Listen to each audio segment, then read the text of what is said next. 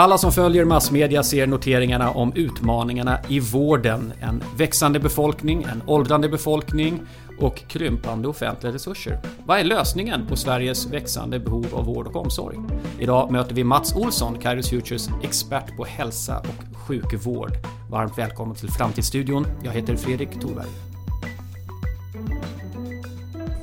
Så, dagens tema i Framtidsstudion är framtidens sjukvård och för att få en riktigt tydlig bild av detta har vi bjudit hit Kairos Futures expert på sjukvårdsfrågor, Mats Olsson. Varmt välkommen till Framtidsstudion. Tack och god morgon. God morgon. Du, eh, du är ju director för det område som kallas för Health and Healthcare hos oss. Kan inte du berätta om din bana? Hur kommer det sig att du jobbar med sjukvårdsfrågor? Ja, vad ska man säga? Jag började med en medicinarutbildning faktiskt. Och eh, sen så avbröts den innan det blev helt klart. Avbröts eller avbröt du? Eller? Jag avbröt. du avbröt tänkte jag. Eh, jag hade bekanta som jobbade i läkemedelsbranschen. Okay. Och eh, som tyckte att jag skulle vara som klippt och skuren för att jobba där. Aha. Så att jag sökte, fick det första jobbet inom Astra-koncernen då kan man säga. Mm. På den tiden heter Astra. Och på den vägen är det. Så jag har hållit mig kvar i i hälsosektorn eh, överhuvudtaget. Mm. Eh, har ju en grundläggande medicinutbildning med idrottsmedicinsk profil så jag har varit väldigt mycket inne på hälsofrämjande och okay. Eh, motion, aktivitet och vad det kan bidra till hälsofrämjandet och så vidare. Mer friskvård på ett sätt? En hel del friskvård. Mm. Mm. Sedan då så eh, jobbade jag i läkemedelsindustrin ett antal år. Mm. Eh, på, ja, som landschef ett antal år. Med, okay. och sedan så eh, blev det en fusion som det blir ofta mm. i alla möjliga branscher, inte minst i läkemedelsindustrin. Mm. Då sök, och då fick jag ett, ett erbjudande om att börja med Läkemedelsindustriföreningen. Okay.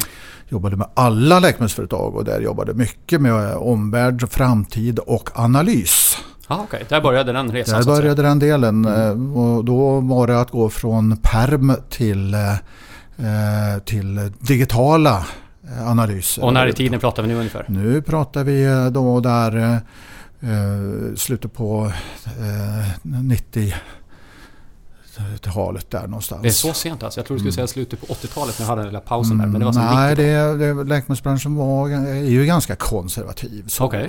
så att jag drev hela den förändringsresan i läkemedelsindustrin. Okay. Och det provocerade ju fram då behovet av analytiker ja. när det gäller marknadsstat och allting sånt. Och, eh, diverse moderna verktyg för att eh, prognostisera bättre. Ja.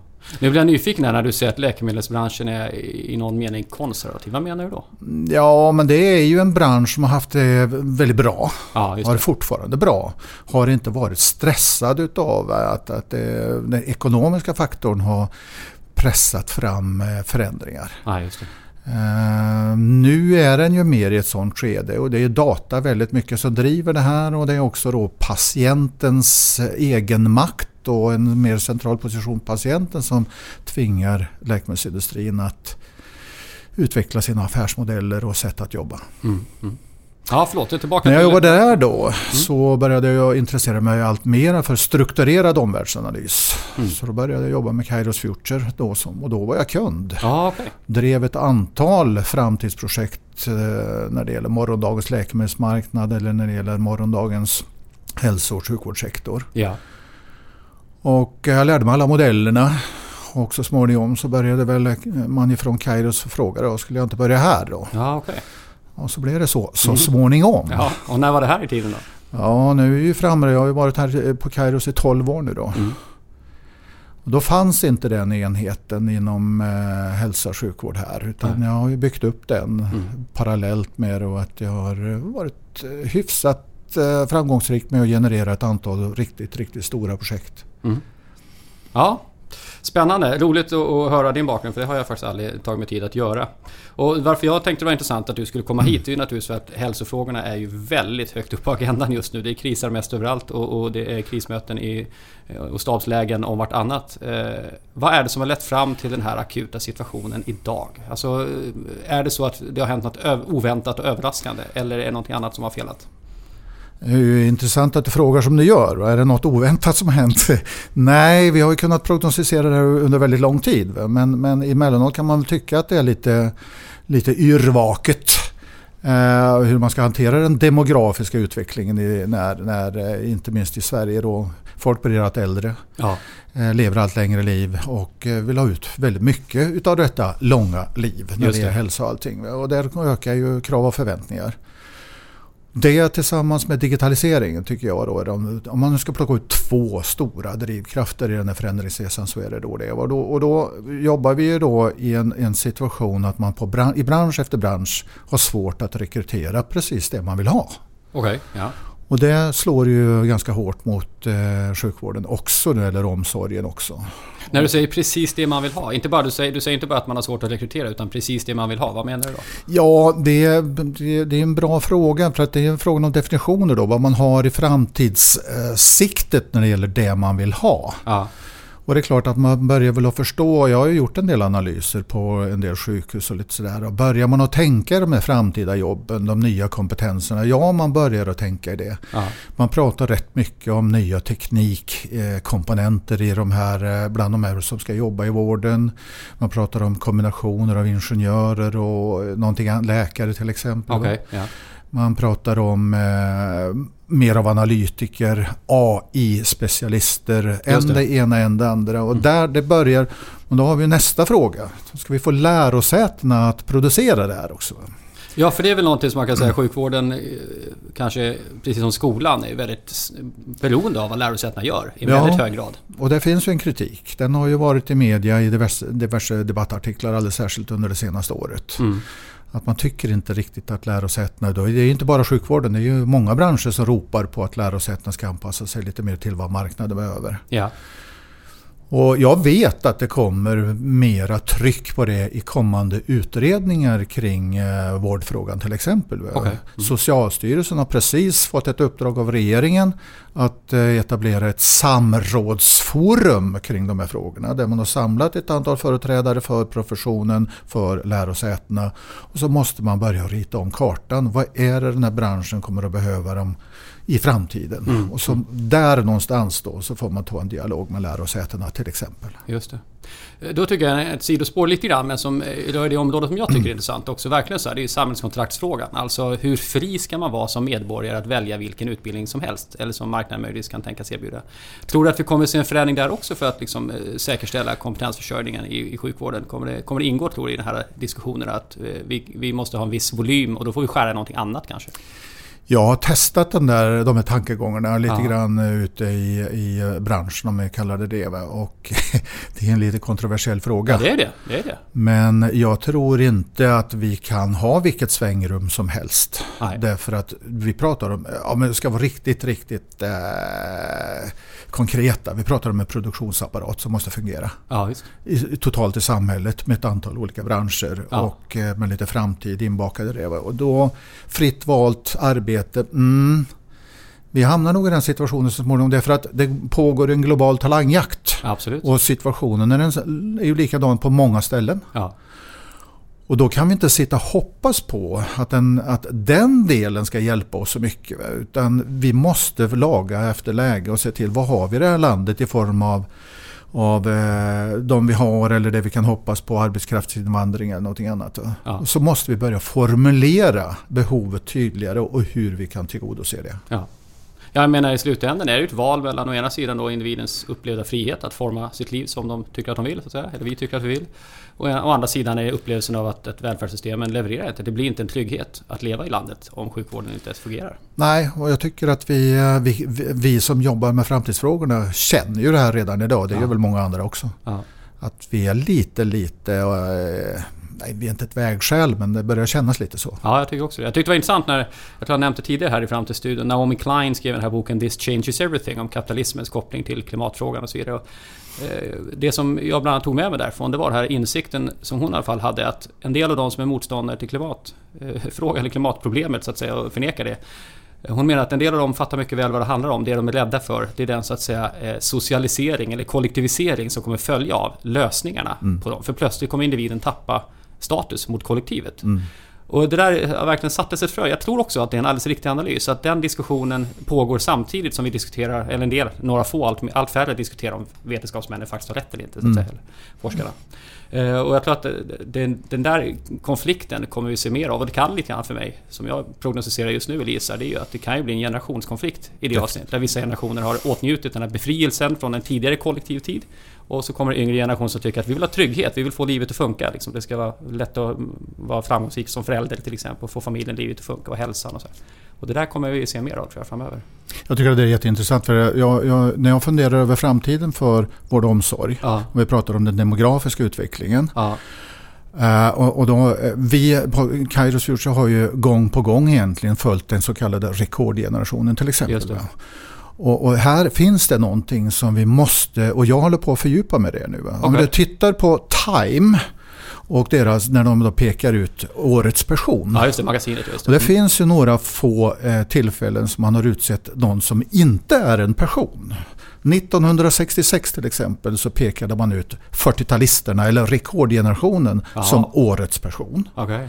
Sen kom vi fram till 1982 var det väl tror jag. Ja, Då var det, då var det datorn okej. som var årets person. Ja. Och sen kom vi fram till 2006. Då var det you på engelska, det Ja. vill säga du. Och att du sitter i förarsätet när det gäller informationshanteringen. Ah, okej. De tre stegen kopplat till eh, sena 30-talister, 40-talister och 50-talister. Ja, Där har du en oerhört kraftfull rörelse när nu vården ja. ska ändra och omstrukturera att allt mera avancerade saker ska göras i hemmen bland människor med hjälp av digital teknik. Just det. Den, det- den storyn blir väldigt, väldigt... Och den har vi inte diskuterat. Men jag är på väg att ta upp den. Det är jättebra. Och för det du också för mig tecknar, det är ju de orden, eh, några av de fundament i den studie som ni har gjort med och det här begreppet nära vård. Det är ju så på Kairos Future att alla jobbar med olika projekt och olika branscher. Det är svårt att hänga med och försöka få en överblick och allt vi hinner göra. Men nära vård har vi pratat om, eller hört här internt över en längre tid. Berätta, vad är nära vård för någonting? I grund och botten är ju det då det stora från liksom eh, högsta politiska instanser i det här landet. Va? Omstruktureringen utav eh, vård och omsorg. Vi har investerat oerhört mycket under lång tid i sjukhus och nu så har vi kommit till vägs ände när det gäller att alla ska till sjukhuset eller till akuten och ta hand om sina saker. Och då har det pågått ett utredningsarbete som startade för ett par tre år sedan nära vård, eller god och nära vård som den utredningen heter. Och eh, när den startade så såg jag att ja, men här har vi någonting som vi behöver titta på. Men i ett betydligt bredare perspektiv än vad direktiven för den regeringsutredningen anger. Jag hade ju en ändå historik. När jag började här då så startade jag en världsunik studie som är morgondagens hälsokonsument eller Opinion Hälsa som varumärket blev och sen har jag hållit på på det här viset. Så att, och det har väldigt mycket varit fokus på individen eller på det. konsumenten Mm. eller kunden. Just sådana begrepp som man heller, ja nu kanske man får börja använda dem i vården men man har inte fått prata kund i vård. Men nu börjar vi hamna där också. Och, och då föll det sig ganska naturligt att fundera ja vi gör en studie som men då vill jag expandera till nära liv, nära vård. Ja, just Det är det. för att det är ett liv som ska levas, Mm. ett allt längre liv Mm. och vi kan inte gå och betrakta oss som vårdoffer eller patienter i all evighet. Ja. Saker ska funka. Det är matchat då med all annan kunskap vi har ifrån alla möjliga andra branscher vi jobbar med. Den, den konsumentförvandling, förvandling av detaljhandelssektorn, digitaliseringen och allt detta sammantaget ligger då i nära liv, nära vård. Och då blir det en betydligt bredare, mer spännande kanske, men också en, en story som har mer positiva komponenter än om du bara tittar på nära vård. Just det. Ja, det blir lite annan ansvarsfördelning över livet känner jag också med bara det begreppet. på något Väldigt mycket. Va? Ja. Och jag menar, hur kan vi ta vara på denna fantastiska tjänstifiering som sker? Ja. Hur får jag ett smartare hem? Hur ser det här samhället ut? Mm. Hur blir det effektiv och hållbar distribution till exempel? Va? Mm. Men vad menar du med det? Fördjupa lite där. Ja, då, jag jobbar ju... Alltså det, det blir många frågor. Ja, Och, och jag, jag har jobbat allt mer med att gestalta då, ja, eh, hur skulle jag göra? Så jag har byggt en story kring hur jag skulle göra. Om du skulle lösa nära om jag skulle, ja, om jag skulle lösa nära. för min egen del. Ja, just det. Och den här frågan får jag hela tiden från politiker, från tjänstemän, från seniorer, från alla möjliga håll. Hur skulle jag göra? Ja, okej. Mm. Och då blir det tre viktiga komponenter för mig då, som man måste på, på något vis sortera ut. Om jag nu har en möjlighet och jag har en vilja att flytta eller anpassa eller vad det nu gör. Ja, Då har vi den närmaste omgivningen då. Hur ser infrastrukturen ut? Hur tar man sig fram med bilar? ja, När vi bygger nya områden idag kan det vara lite si och så. ja. Men att få fram transportbilar då för vårdsängar eller någonting annat. Ja. Sen har vi byggnaden som sådan. Mm. Hur funkar den liksom när det gäller, vi pratar skalskydd, hur man tar med sig in och ut med hjälp av koder och säkerhetslösningar. Just det. För, för att personal ska kunna komma in. personal, leverantörer, Ja, alla möjliga. ja, och så småningom får vi ny teknik i form av ansiktsigenkänning eller någonting annat. Så har vi hela den passagen. Mm. Hur är det tryggt att bo i den här byggnaden? Mm. Och sen har vi själva bostaden då. Det, och då pratar vi om det ordinära boendet då, som gäller för de allra flesta. Det vill säga man har ett hem och där ska allting funka, även avancerad vård och rehabilitering. Och där någonstans måste man aha, blir många involverade. Va? Om man Ja, tittar på verkligen. framtiden här, ja då är det stadsarkitekten, det är arkitekten, det är bostadsbolaget, Mm. det är eh, sjukvården, det är hemtjänsten, det är eh, Potentiellt säkerhetsbolag. Säkerhetsbolag, digitala bolag av alla möjliga sorter, Mm. Matleverantörer. matleverantörer. Mm. Eh, vi har den som bor, vi har anhöriga till den som bor, vi har då digi- digitala tjänster. Mm. Och då börjar man se komplexet. Ja, ja jag tänker är- potentiellt ideella organisationer som håller på med bistånd i någon mening. kanske. Mycket. Ja. Och, och då det- blir det en stor fråga, hur får vi dem här att samverka? Ja. För att jag ska kunna få det där goda livet som jag då förväntar mig. Även om jag till exempel betalar en del ur egen plånbok, de här konsumenttjänsterna. Då. Ja. Ja, det där är ju intressant. Jag menar, det är en helt annan... Eh, ett sjukhus är ju nog så komplext form av samarbete. Men det här blir ju nästan knepigare på ett sätt. För man är dessutom geografiskt utspridd. Eh, utspridd. Det är privata aktörer som kommer kanske bytas ut under resans gång och så vidare. Och dessutom är du inne i den privata sfärens absoluta centrum. Så att säga hemmet och tryggheten där. Jag brukar ju göra, när jag ska förkorta storyn, så brukar jag säga så här, ja, vi har tagit bort tusentals med vårdplatser på sjukhusen under de senaste 20 åren någonting. Ja, tänk dig då ett scenario att de vårdplatserna istället ska finnas i hemmen hos människor. Där är vi ju redan, men det kommer att bli allt högre utsträckning när, när eh, den stora äldreboomen kommer i, väldigt hög ålder. Ja, precis. Och då ska vi få det att funka. Mm. Men för att backa lite grann här, för jag känner att vi, vi, vi kom fort in på, på det praktiska. Alltså nära vård är ett sätt att lösa att vi kan inte ha sjukvård på sjukhus. Vi har så många människor och vi har inte råd att ha stora eh, klumparna till sjukhuset utan folk ska kunna vårdas hemma. Och man vill mycket mer ha sitt privata liv så att säga, kvar i så hög utsträckning som möjligt. Så att säga. Eh, och det här gör att vi flyttar hela eh, vårdleveransen Eh, in i folks hem eh, och det för en massa konsekvenser. Nya relationer, nya samarbeten, nya marknadslösningar i detta förmodligen också och samarbete offentlig, privat och så vidare. Och, så vidare. Eh, och du säger att det här drivs på av politiska beslut i väldigt hög grad. För man, så mycket har man fattat om framtiden i alla fall, att det här behöver vi få till att hända så att säga. Men du var inne tidigare på att det här är inte något som vi diskuterar så mycket. Alltså allmänhetens bild av den här förändringen. Vad, vad tänker du om den? Nu har du satt tummen på kärnfrågan för mig. Vad bra, då gör jag mitt jobb här. Och, eh, alltså jag har jobbat med eh, forskare i den här frågan i våra projekt. Och de är på professorsnivå en del. Ja, Och så tar jag upp den här frågan. Vad är den riktigt, riktigt stora utmaningen i den här eh, historien? ja, Och då landade man i den pedagogiska utmaningen. ja. Att få folk i allmänhet att förstå att rörelsen pågår. Leveransen kommer att ske på ett annat sätt. ja.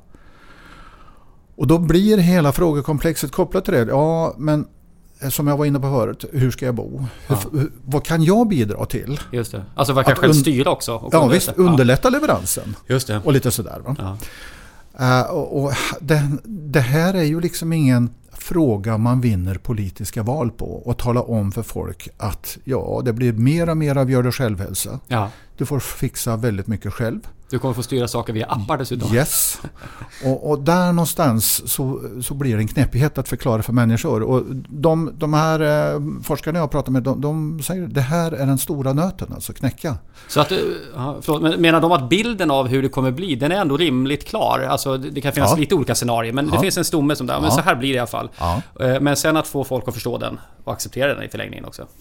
Ja, det, för det blir en massa ställningstaganden. Och det, jag, det, det blir ett, ett ett fråg, frågekomplex som handlar om liksom, den stora äldre generationen så att säga. Hur ser det egentligen ut när det gäller deras möjligheter att överhuvudtaget göra ett val? Ja. Vi har redan idag hundratusentals fattigpensionärer. Vi har eh, sämre utfall av pensionerna för många. Ja. Vilket gör att den ekonomiska möjligheten att flytta är väldigt begränsad för många. Ja. Vilket leder till att man bor kvar i sitt gamla boende ja. med de tillgänglighetsproblem som finns. Och där kommer då nästa utmaning. Då. Ska kommunen i alla fall leverera alla de här sakerna framöver? Ja. Och, och sen har vi en bostadssituation i Sverige som ser ut den gör med alla dess låsningar. Ja. Rörligheten är minimal. Ja. Jag har jobbat med bostadsbolag då, som försöker att, stim, försöker att komma fram till hur de ska stimulera flytten ja. för en gammal kvinna som bor i en fyra med jättelåg hyra, en gammal fyra, till en nyproducerad ett eller två i markplan men med dubbel eller tredubbel hyra. Det gör hon inte frivilligt. Och då är den stora frågan hur kan man subventionera den flytten? Ja, precis. Och, precis. och beräkna hur man hämtar hem de kostnaderna i längden för att Exakt. det blir bättre effektivitet. Ja. Intressant, då måste jag bara en parentes här. Jag blev uppmärksammad av vår kollega Göran här på dokumentären Push. Har du sett den på SVT Play? Om bostadsmarknadens utveckling. Ja, jag vet att det har pågått. Ja, precis. Ja. det, är en sven, det är en svenskproducerad eh, dokumentär där vi får följa FNs rapportör om bostadsfrågor. Eh, och hennes arbete med att liksom kartlägga hur det funkar i olika länder. Och jag ska inte återge hela det här tusen, men, men, men budskapet är fastigheter har blivit så mycket investeringsobjekt att de köps upp av stora ja, företag med, eh, som eh, finansiella verksamheter som vill tjäna mer pengar naturligtvis. Och om jag förstod siffran rätt, nu kanske jag säger fel här, men jag förstod som att amerikanska företaget Blackstone är nu fjärde största ägaren av hyres fastigheter i Sverige och det har de blivit sedan 2014. Mm. Och där idén är ju i vissa fall att eh, egentligen sköta fastigheterna eh, på ett minimum och få folk ibland att flytta ut och helt enkelt renovera och sen hyra, höja hyran. Då. Och jag bara, nu fick jag den bilden när du beskriver det du ser framför det här med nära vård. Som squeezen så att säga mellan då folk som gärna vill få ut så mycket som möjligt av de här eh, väldigt lukrativa typen av affärsverksamhet som det är bostäder. Det är väldigt säkert, det finns alltid behov och, och så vidare. Eh, och sen ska man dessutom eh, lyckas ställa om och, anpassa och, och tillgängliggöra och mm. investera i de här eh, boendena som folk har. Det blir, det blir inte lätt alltså. Nej, och det finns ett grundläggande problem. Jag har jobbat med ett antal bostadsbolag i detta nu. Ja. De senaste två åren. Eller tre tyvärr så känner de, är de det är ganska litet medvetande om den här förändringsresan som pågår. Ja, ja. Och i och med det så, anpass, så gör man inte investeringar som man rimligen borde göra Nej. för att få det här att funka i en framtid för äldre människor och en massa saker som ska göras där. Mm. Just nu så har vi och under en längre tid har vi varit inne i den resan att vi har jakten på kronor per kvadratmeter har ju varit så påtagligt. Vi bygger mindre och mindre. Trapphusen blir smalare och smalare. Ja. De gemensamma utrymmena försvinner. Ja. Lägenheterna blir mindre och mindre. Vilket gör att förutsättningarna är ganska dåliga även i det nya bostadsbeståndet ja, att okay. göra en bra arbetsinsats. Oj, ja. Du får inte plats med dina arbetshjälpmedel. Du får svårigheter. Då ska du kanske in med en sjukhussäng i den här lägenheten. Ja. Och där någonstans så börjar stora utmaningar. Oh ja. mm. Förvaring och risk och, och också förvaring av, av um, material som måste förvaras i låst utrymme. Sprutor, kanyler, viktiga läkemedel mm. och så vidare. Det blir en massa saker som tillkommer. Mm. Och den här lilla bostaden omvandlas väldigt snabbt till något helt annat mm. än eh, det där goa boendet som du hade tänkt dig. Just det. Oj, ja, mörk bild här alltså. Kan du inte säga något uppmuntrande och ja, lösningar? Precis. Ja, eh, det uppmuntrande är liksom ett, en mer samordnad rörelse mellan alla möjliga inblandade. Mm. Just nu är det vården som kämpar. Mm. Regioner, kommuner försöker hitta vägar i den här transformeringen. Mm. Och det är klart att det är ingen som jublar över att uh, allt möjligt som sker. Det kan vi ju se i tidningarna dagligdags. Mm, mm. Men om vi tillsammans liksom lite bättre landar i det som sker. Allt mm. ifrån de stadsarkitekterna till eh, bostadsbyggarna, arkitekterna och alla andra. Mm. Eh, och det, det, behöver vi göra men tyvärr är vi inte riktigt där än. Nej. Jag vet att du har jobbat med ett annat projekt också som jag vill minnas mig har rubriken typ eh, Seniorkommun. Bästa seniorkommunen. Den smarta seniorkommunen. Den smarta seniorkommunen, precis. Mm. Vad handlar det om? Är det, det är väl släkt med det här gissar jag? Det är ju som så då att jag har ju ett, eh, ett, eh, bokprojekt på gång som handlar om seniorer i det smarta samhället och det är ungefär samma sak. Eh, men det är ju så här att kommunen är ju den som får fler och fler uppgifter att lösa i den här transformeringen. När det blir mer av hemsjukvård, kommunerna kan ju inte anställa eh, läkare idag men de kommer förmodligen i framtiden att göra det. De måste rigga sin organisation kring de här tjänsterna i hemmet på ett helt annat sätt. Vi pratar om mobila eh, läkarbussar och vi pratar om en massa olika saker för att anpassa från tid till annan. Och där någonstans då så blir ju kommunen oerhört central. Mm. Hur tänker man? Hur planerar man? Hur ser mm. förutsättningarna ut? Hur ser attraktionen ut att jobba i den kommunen och så vidare? Vilket grepp tar man på det här? För att då lösa frågan. Och då kan vi prata om det smarta seniorkommunen. Då. Mm. när jag jobbar med seniorer så frågar jag dem, vi jobbar i workshops mm. med detta. Vad är en smart kommun för dem? Just det. Och då är det inte så att de bara tänker digitala saker. Nej. Utan de tänker, ja hur funkar hemsidan? Ja. Finns det gröna promenadstråk så mm. att man kan vara aktiv? Mm. Eh, hur är det med belysningen? Mm. Hur är det med supporttjänsterna när det gäller digital hantering? Det blir så många saker. Mm. Och det är inga stora, det är ingen rocket science. Nej, nej. Och det är många gånger inte heller någon stor investering. Okay. Men det är att tänka rätt saker. Därför att om de har perspektivet att ja, en ökande andel äldre ska klara sig mycket bättre på egen hand. Mm. Så behöver man ju någon form av infrastruktur eller mm. stödsystem att röra sig i. Mm. Det finns ju, en, finns ju kommuner som börjat experimentera till exempel om ja, de här e-tjänsterna som nu kommunerna kommer. Ja, mm. du ska bo, beställa någonting, någon, olika saker i ditt hem eller någonting sånt där. Det finns ju e-tjänster på enstaka kommuner nu. Ja, men så kan jag inte hantera den här e-tjänsten. Nej. Ja, men har du nog. tänkt hela vägen då från den kommunen så har de då en, en möjlighet att jag kontaktar en supportenhet på kommunen. Och sen kan det vara via videoskärm så har jag ögonkontakt med den som supportar och så får jag hjälp de första gångerna jag ska hantera e-tjänsten. Sen kanske jag kan det. Ja. Är det någon speciell kommun du vill hylla i det här läget som är duktiga? Det är ju så här, det, ju, det här pågår ju lite grann en, en tävling mellan vissa ja, kommuner att vara bäst på det här. Ja. Trelleborg är ju en kommun som har fått priser flera gånger. Ja, okay den som har den här tjänsten nu som jag pratade om nu och den här support, stödtjänsten så är det till exempel Halmstad. Ja. Eh, Västerås har ju gått i bräschen för mycket av de här frågorna. Ja, det finns ett antal kommuner. Ja. Jag vet att, eh, det är inte kommuner, men Region Västerbotten jobbar mycket med digitalisering. Ja. Med stora avstånd och så vidare. Det känns också på framkant tycker jag. Upplever, som jag det är ju så, och då kommer vi till norra delen av Sverige då. Så är det, där är det mer det vi kallar smärta som driver ja, utvecklingen. Ja. Att man har de här långa avstånden, det är för stora kostnader att drifta det över stora avstånd. Man måste hitta andra lösningar. Ja. Man kanske också har större utmaningar när det gäller personalförsörjningen. Det här har de ju levt i länge jämfört med vissa andra delar av Sverige. Mm. Man har kommit ganska långt där men vi har ju eh, områden där man nu testar drönare för eh, leveranser till exempel. Och då är det ju inte drönarna som är problemet utan det är trafiktillstånden som är utmaningen. Just det, just det. Mm. Eh, finns det andra länder som du sett som ligger långt för oss? Ja.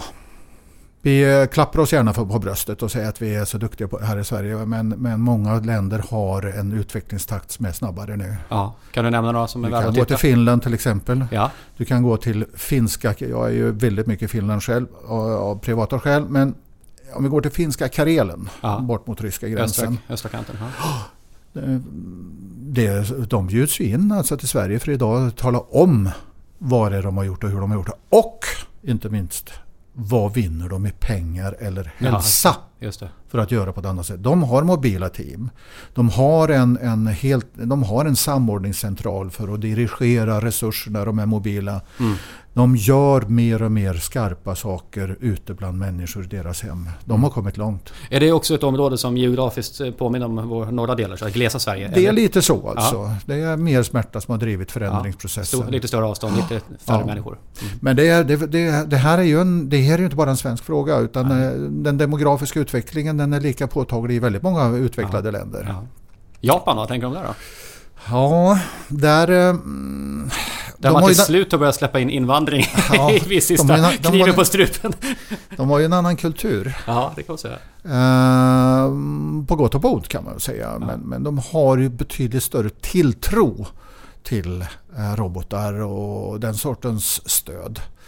Så där satsar man ju enormt på alla möjliga. Jag såg, eh, jag ser det löpande så att säga, man, allt mer smarta robotar som åker omkring i ens eh, bostad, Ja. plockar upp saker du har tappat Okej. och eh, Mm. servar dig med en det ena en det andra. Mm. Och de är så fantastiska på att greppa saker. Det spelar ingen roll om det är något litet skräp på golvet eller ett glas som de ska flytta eller vad som helst. De här gripklorna, de funkar för allting. Ja, häftigt.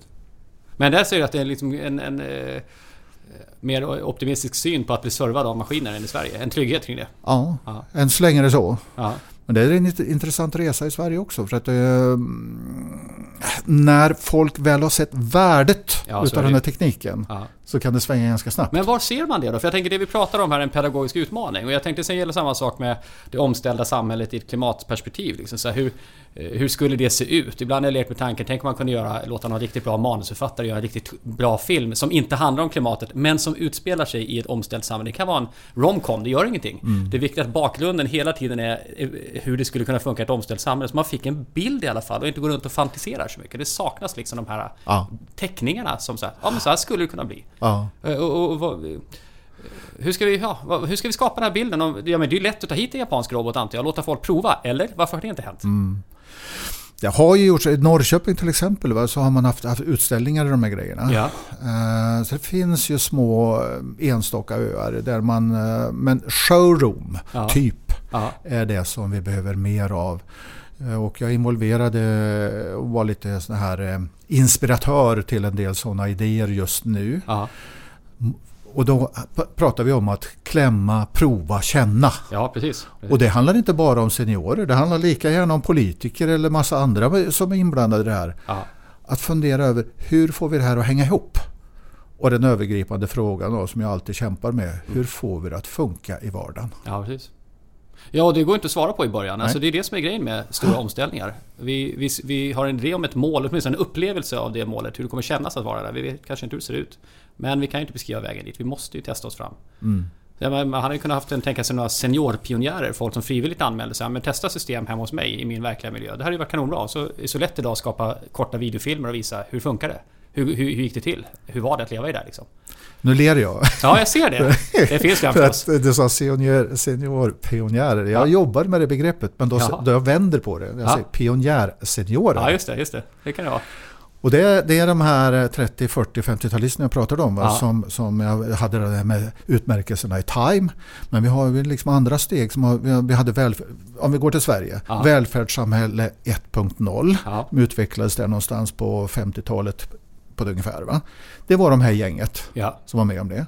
Sen har, går det ganska många år så kommer nästa teknikboom som väller över alla, men inte minst dem då, när det kommer datorn, internet, eh, bank-id, swish och allt det andra, va? sociala medier. Ja. Och nu så ska de här, samma generation, in i det stora teknikskiftet som är kopplat då till nära liv, nära vård. Och där blir det då för mig pionjärseniorer. Just det, just det. Jag håller på att bygga en story kring det. Ja, bra, vad bra. Great minds think alike, säger jag här lite grann. Ja, vad bra. Eh, vi har pratat om pedagogiska utmaningar eh, och eh, det stora liksom, samarbetet som behövs för att få nära vård att fungera. Den framtida vårdlösningen. Ena frågan jag ställer mig är, finns det röster som argumenterar för någon annan lösning? Som säger att Nej, men det där är inte den smartaste lösningen. Vi skulle kunna gjort så här istället. Eller finns det någon annan någon, någon Ja. opponent? Ja, eh, de är ganska tysta. Men jag kan ju referera till eh, Almedalen seminarier vi haft de senare åren. När vi har kört seminarier som har kretsat kring det här. Jag kommer ihåg eh, senaste var för något år sedan. många ganska initierade deltagare på ett sånt seminarium vi hade var som Resa Ragg och säger vad är det här för någonting? Så här vill jag inte ha det själv. Ja, just det. Jag vill inte ha det så här. Nej. Vart tar människan vägen? Eh, lyckas vi åstadkomma balans mellan empati och high-tech i det här? Och då är de rädda så att säga för, för interaktionen människa-maskin och ja. teknik. Ja, för annars kan jag tycka att det du beskriver är ju en, en högre form av individualisering ja. i en mening. Alltså, de här systemen kommer ju inom vissa ramar naturligtvis kunna anpassas efter just mina behov. Mm. Alltså, jag kanske man kan välja formen på roboten om jag nu vill, om det är viktigt. Eller mm. tider och scheman när saker ska hända i någon mening. Eller? Mm. Ja, nej, men det, det finns så många komponenter.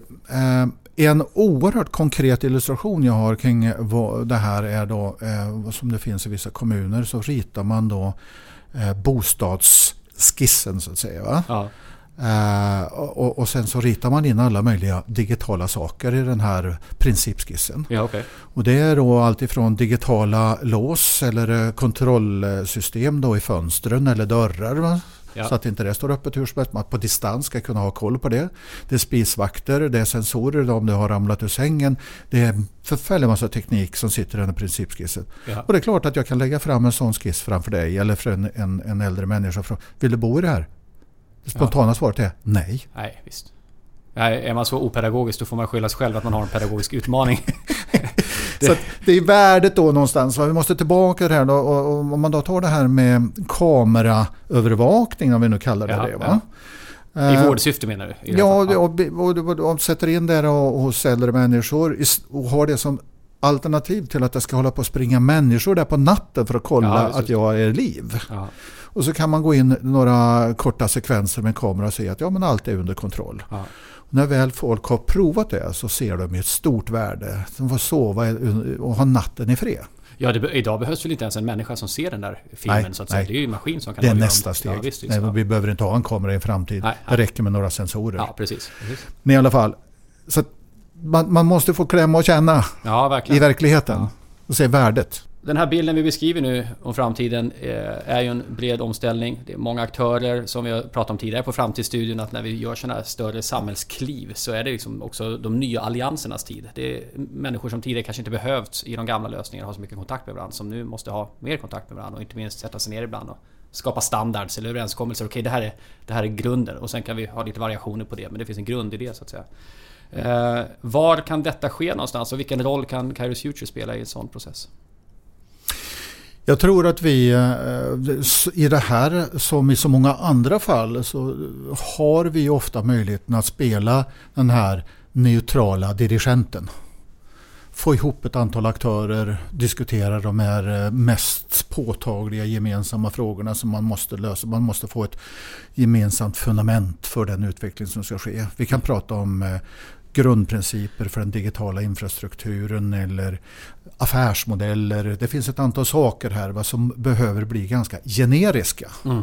Och utifrån det sen så kan man ju bygga sin konkurrenskraft och vad man nu levererar och så vidare. Men det är en viktig roll. Eh, vi kan bidra till att bygga eh, arenor för sådana här samtal. Mm. Jag är på väg nu att försöka vara delaktig i det här med som jag kallar det, samhällets kontrollrum. Ja, precis. Jag var först på väg att fråga om det. För det har du pratat om. Ja. ja. Vad är det för något? Ja, men det blir ju den här... Om du tänker flyget, ja. om vi tar den metaforen eller den verkligheten. Eh, du ska ut och flyga. Det är klart att du är angelägen om att det, sitter, eh, att det finns teknik och att det finns någon som har koll ja. på flygtrafiken. Ja.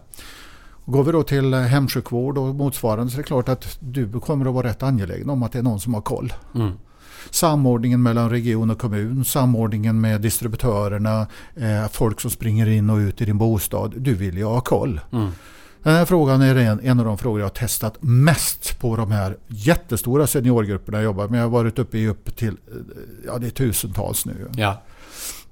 Och då är det den här kon egna kontrollenheten som jag har testat mycket. Liksom, hur, vad är det de vill se den? Och, och, ja, egna, vad menar du? Egna? Ja, det, den kan ju sitta i klockan, den kan sitta i okay, smartphone. Hur de vill den, interagera sitta, med kontrolltornet? Ja, liksom. du, du, du, får informationsflöden. Ja.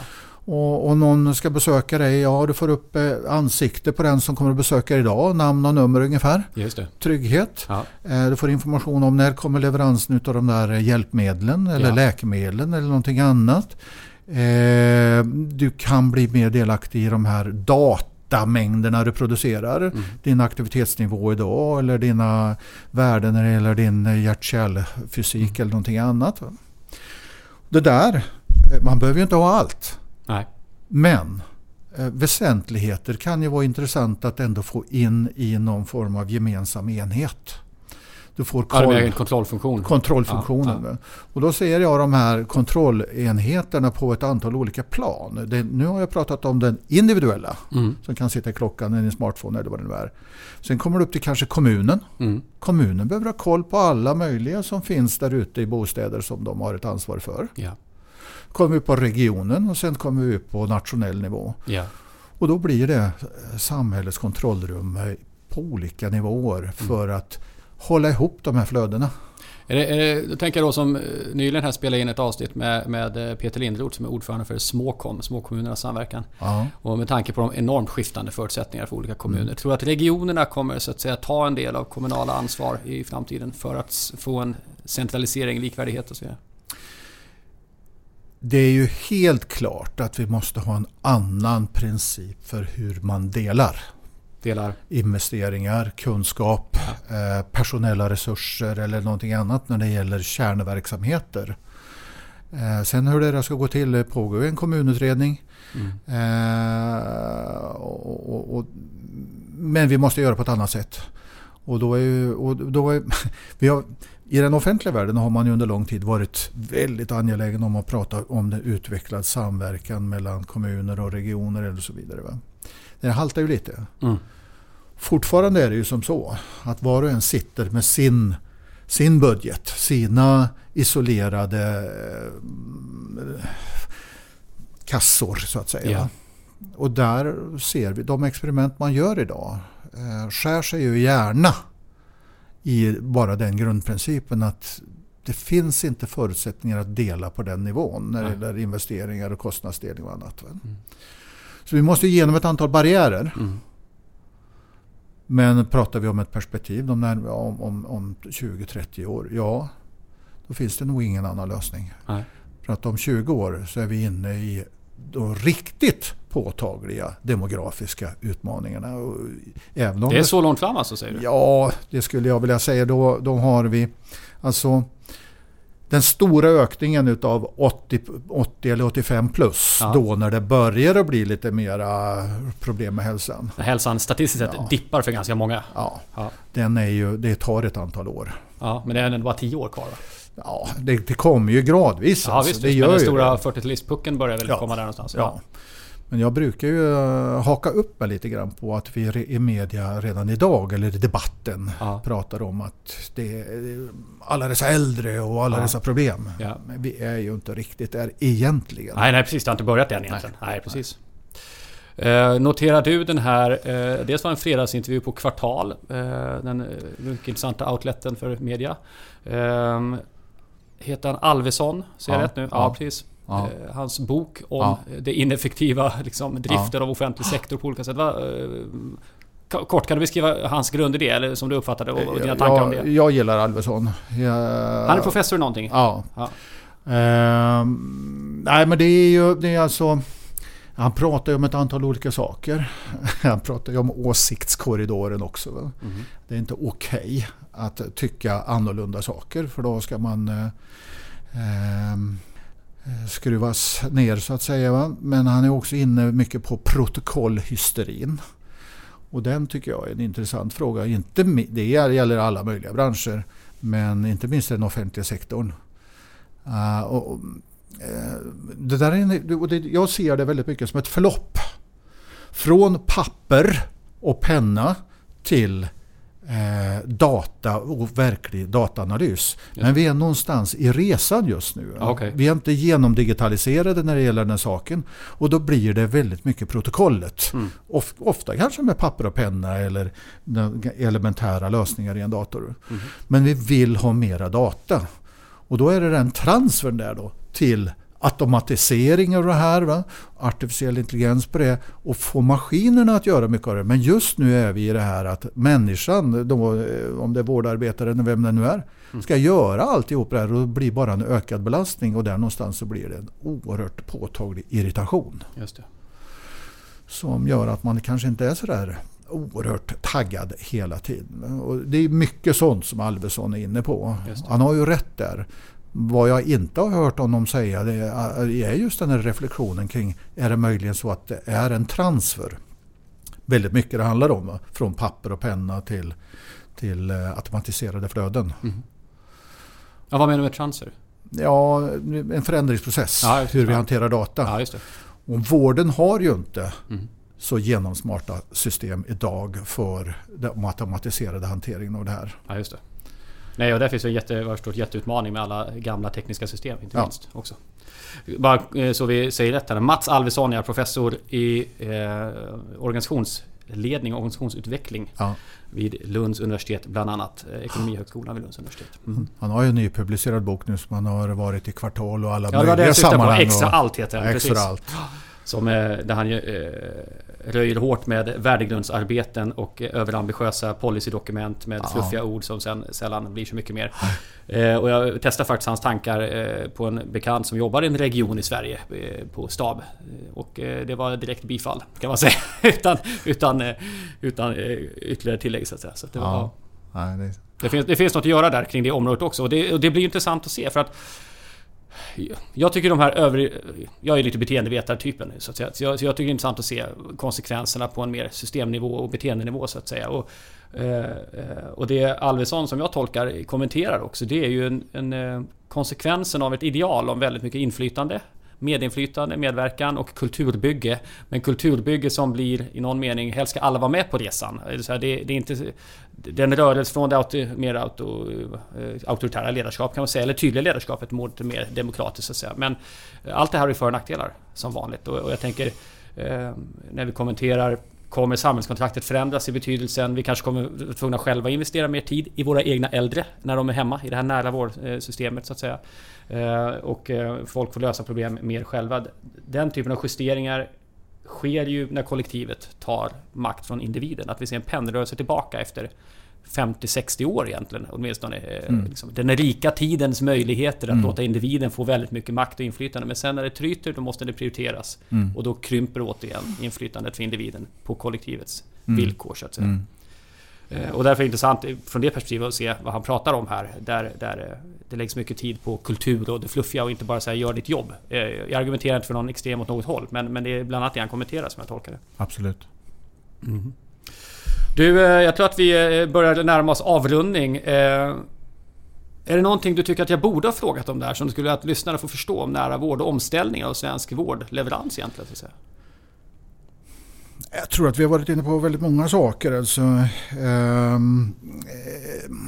det som jag tror, vi var inne på det, mm. Men det som jag tror måste ske i betydligt större utsträckning det är hanteringen av den pedagogiska utmaningen. Mm. För människor eh, och, och, förstå liksom det här för att det är så lätt gjort att vi hamnar i frågan om den solidariska finansieringen. Ja, just det den kommer som ett, jag får den ständigt och jämt numera. Och där menar du så att, säga att vi delar på varandras vårdkostnader? Yes. I grund och botten. Ja. Hur ska vi ha det med det här? Ja. Och då blir det en pedagogisk utmaning att förstå för individen. Ja, men måste jag, precis som du var inne på alldeles nyss, måste jag bidra med så mycket mera insatser ja. kring min egen vård och rehabilitering? Ja. Jaha, vad går skattepengarna till? Just det.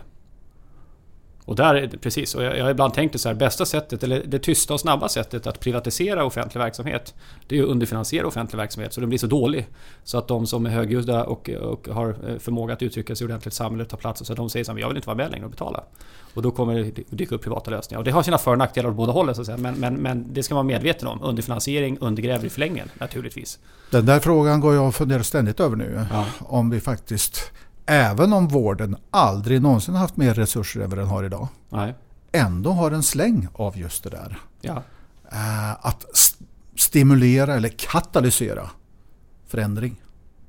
Ja, du menar att den är, trots att det är mer pengar i reda kronor räknat så är det ändå för lite som gör att det, det, det underlevererar? Ja, eller om vi har, man drar ner på effektiviteten eller man drar ner på tillgängligheten. Eller man, mm. Så har det ofta varit i vården, att man, drar ner, man ökar kötider eller någonting. Mm. Det, det, det, är ju så vården har funkat. Mm. Ja, du menar att man gör politiska beslut om det? Ja, eller, eller att det är verksamheten själv som liksom eh, lägger in eh, mekanismer i det här så att säga. Ja. För att man vill liksom inte bli dränkt.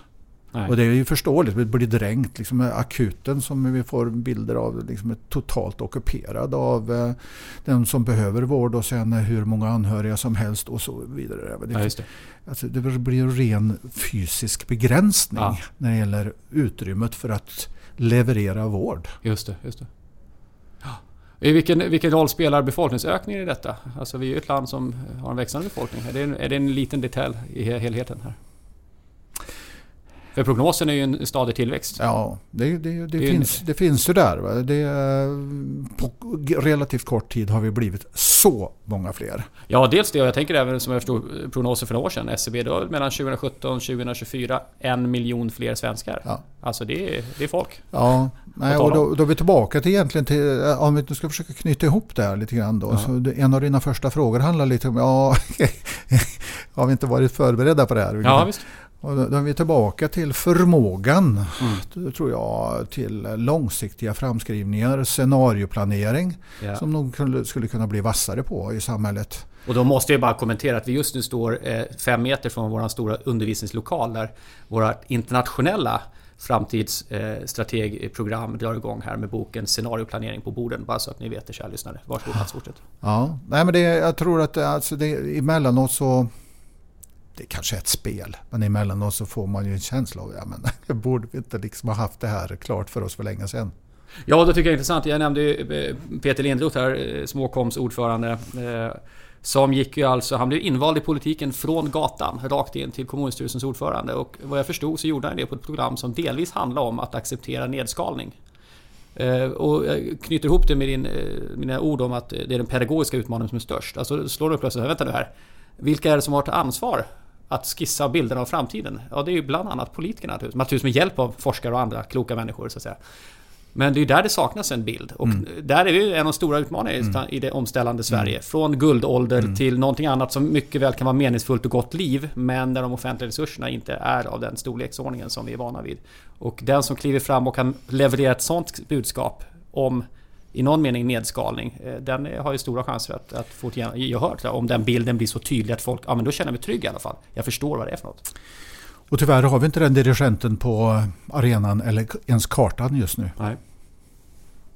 Ja du Mats, det här var ju superspännande. Jättekul att du kom hit och delade med dig av din djupa kunskap på det här området. Eh, ni som tycker det här är intressant är förstås välkomna att höra av er mer till Mats. Eh, boka föreläsningar och, och, hjälp och scenarioplanering och allt möjligt som ni kan behöva för att få er organisation att bli ännu bättre förberedd och rustad. Och inte minst kanske upptäcka vilka eh, tjänstemöjligheter som finns. Alltså eh, vad kan vi skapa för värden i de här systemen som vi faktiskt kan inlämna i vår verksamhet. Du eh, Mats, eh, jättekul att du var här. Tack för att du kom och på återhörande. Tack för idag. Du som känner att du själv vill utveckla förmågan till framtidsanalys och spaning. Varmt välkommen till Kairos Future Academy. Här håller vi kurser för olika branscher och olika inriktningar. Naturligtvis hittar du oss på hemsidan kairosfuture.com. Varmt välkommen till Kairos Future Academy.